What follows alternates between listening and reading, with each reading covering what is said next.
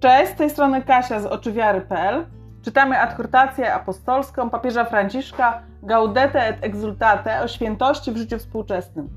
Punkty 25 do 31. Działalność, która uświęca.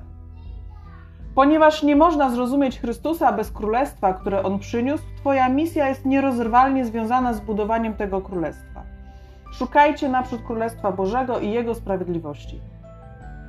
Twoje utożsamianie się z Chrystusem i Jego pragnieniami pociąga za sobą zobowiązanie do budowania wraz z Nim Królestwa miłości, sprawiedliwości i pokoju dla wszystkich. Sam Chrystus chce to przeżywać wraz z Tobą, we wszystkich niezbędnych wysiłkach i wyrzeczeniach, a także w radościach i w owocności, które Ci oferuje. Dlatego nie uświęcasz siebie, nie powierzając siebie z ciałem i duszą, aby z tym zaangażowaniem dać z siebie to, co najlepsze. Nie jest zdrowe miłowanie milczenia i unikanie spotkania z drugim, pragnienie odpoczynku i odrzucanie działalności, szukanie modlitwy i umniejszanie posługi. Wszystko może zostać zaakceptowane i zintegrowane jako część naszego życia w tym świecie i włączone w drogę uświęcenia. Jesteśmy powołani do życia kontemplacją pośród działania i uświęcamy się w odpowiedzialnym i hojnym wypełnianiu naszej misji. Czy Duch Święty może nas posłać do wypełniania misji, a jednocześnie żądać, abyśmy od niej uciekali albo unikali poświęcenia się jej całkowicie, żeby zachowywać spokój wewnętrzny? Czasami odczuwamy pokusę, aby przenieść zaangażowanie duszpasterskie lub zaangażowanie w świecie na dalszy plan, tak jakby były one rozproszeniem na drodze uświęcania i pokoju wewnętrznego. Zapominamy, że to nie życie ma misję, ale że jest ono misją.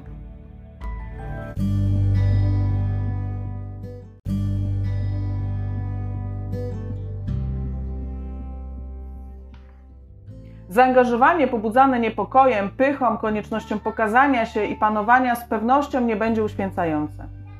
Wyzwaniem jest życie darem z siebie w taki sposób, aby wysiłki miały znaczenie ewangeliczne i coraz bardziej utożsamiały nas z Jezusem Chrystusem. Stąd mówi się często na przykład o duchowości katechety, duchowości kleru diecezjalnego, o duchowości pracy. Z tego samego powodu Ewangelii Guardium chciałem zwieńczyć duchowością misyjną – Laudato si duchowością ekologiczną, zaś Amoris Letitia duchowością życia rodzinnego. Nie oznacza to pogardzania chwilami spokoju, samotności i milczenia przed Bogiem. Wręcz przeciwnie. Ponieważ nieustanna nowość narzędzi technologicznych, atrakcyjność podróży, niezliczone oferty konsumpcji nie zostawiają niekiedy pustych przestrzeni, w których rozbrzmiewa głos Boga. Wszystko jest wypełnione słowami, przelotnymi przyjemnościami i zgiełkiem coraz większej szybkości. Nie panuje tam radość, lecz raczej niezadowolenie tych, którzy nie wiedzą po co żyją. Jak więc nie uznać, że musimy zatrzymać tę gorączkową gonitwę, by odzyskać przestrzeń osobistą, czasami bolesną, ale zawsze owocną, w której odbywa się szczery dialog z Bogiem? W pewnym momencie musimy wyraźnie dostrzec prawdę o nas samych, aby pozwolić, by została ona przeniknięta przez Pana. Nie zawsze można to osiągnąć, jeśli w jakiejś sytuacji nie doświadczy się takiej próby, takiego oczyszczenia, jeśli nie znajdzie się nad brzegiem przepaści, jeśli nie dozna się najcięższych pokus, jeśli nie poczuje się całkowicie osamotnionym. W ten sposób odkrywamy wspaniałe motywacje, które nas pobudzają do przeżywania w pełni naszych zadań. Te same źródła rozrywki mające wpływ na nasze obecne życie prowadzą nas również do absolutyzowania czasu wolnego którym możemy bez ograniczeń używać tych środków, które zapewniają rozrywkę lub przelotne przyjemności. W konsekwencji cierpi sama misja. Osłabia się zaangażowanie, a wielkoduszna i ochocza posługa ulega osłabieniu.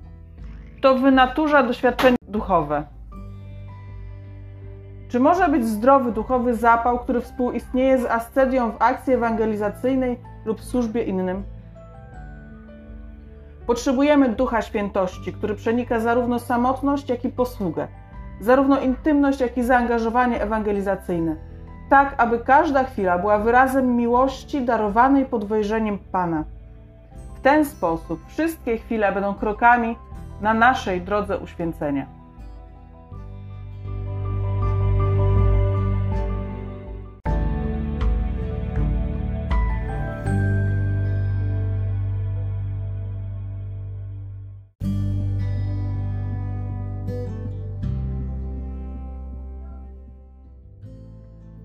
Chrystus przyniósł nam Królestwo Boże. Pamiętasz, jak wcześniej papież pisał nam o tym, że Duch Święty bierze z Chrystusa i daje ludziom poprzez nas, że na tym polega świętość na ukazywaniu wspólnocie jakiejś części Chrystusa i Jego misji. Teraz mówi drugi raz to samo, ale jakby tak z drugiej strony. Twoje utożsamianie się z Chrystusem i Jego pragnieniami pociąga za sobą zobowiązanie do budowania wraz z Nim królestwa miłości, sprawiedliwości i pokoju dla wszystkich. Do tego jesteśmy zobowiązani. Zobowiązani. Do budowania na świecie takich obszarów, w których jest po Bożemu, czyli z miłością, sprawiedliwie i bez wojen. I teraz trzeba kombinować, by tak było. By mój dom był dobry, by wprowadzała atmosferę miłości, zrozumienia. Gdziekolwiek pójdę. Jesteśmy powołani do życia kontemplacją pośród działania i uświęcamy się w odpowiedzialnym i hojnym wypełnianiu naszej misji. Papież mówi, że unikanie działania, by uciekać w modlitwę, jest pokusą i nie jest drogą uświęcenia, bo Duch Święty nie może posyłać nas do pełnienia misji i jednocześnie żądać, byśmy od niej uciekali albo unikali poświęcenia się jej całkowicie, żeby zachowywać spokój wewnętrzny. I chciałabym tutaj dodać coś, co będzie drobnym uzupełnieniem. Papież Franciszek codziennie spędza godzinę na adorację Najświętszego Sakramentu. Między 19 a 20 zawsze jest w kaplicy i adoruje Najświętszego Pana Jezusa. Mówi, że się opala przed Panem. Przyznaje, że czasem ze zmęczenia usypia, ale ważne, żeby zawsze być przed Panem, żeby, żeby adorować Najświętszego. Zresztą dalej pisze o tym, że chwilami spokoju, samotności i milczenia przed Bogiem nie można pogardzać i bez wątpienia nie zachęca do przesadnego działania. Zaangażowanie pobudzane niepokojem, pychą, koniecznością pokazania się i panowania z pewnością nie będzie uświęcające, napisał.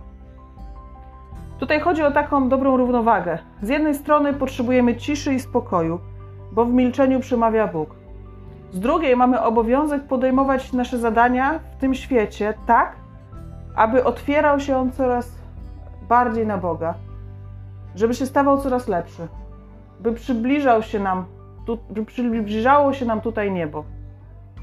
Mamy być kierowani miłością i robić to samo, co robi Jezus. Dawać się innym, służyć.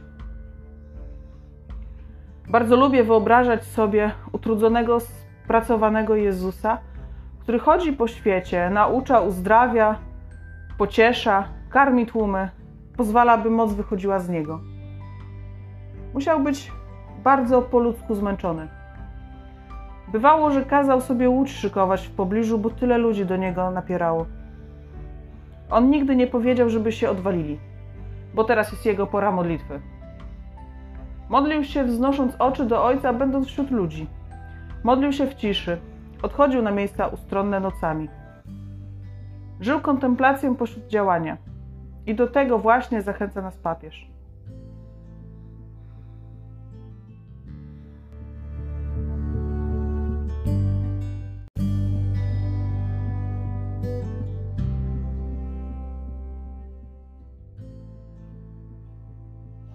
To jest piąty odcinek podcastu Oczy Wiary.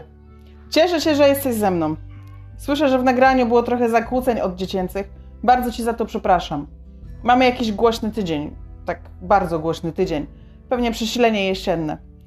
Nie dało się pracę uciszyć, ale obiecuję, że następnym razem już tego nie będzie. Słyszałeś, co mówiłem? Piąty odcinek podcastu. Taki mały pierwszy jubileusz. Juhu! Mam nadzieję, że praca, którą wkładam w tworzenie treści tego podcastu, przynosi Ci owoce. Na pewno jest wiele rzeczy, które warto jeszcze poprawić. Z niektórymi udało się uporać od razu, część pewnie jeszcze nie widzę. Będzie mi bardzo miło, jeżeli zechcesz napisać do mnie i podzielić się swoimi wrażeniami. Pisz pod kasia.małpaoczywiary.pl Poza sugestiami i komentarzami mile widziane będą pomysły na rozwój projektu Oczywiary. Szukam osób do współpracy. Bez względu na to, czy masz czas, czy pomysły, czy umiejętności.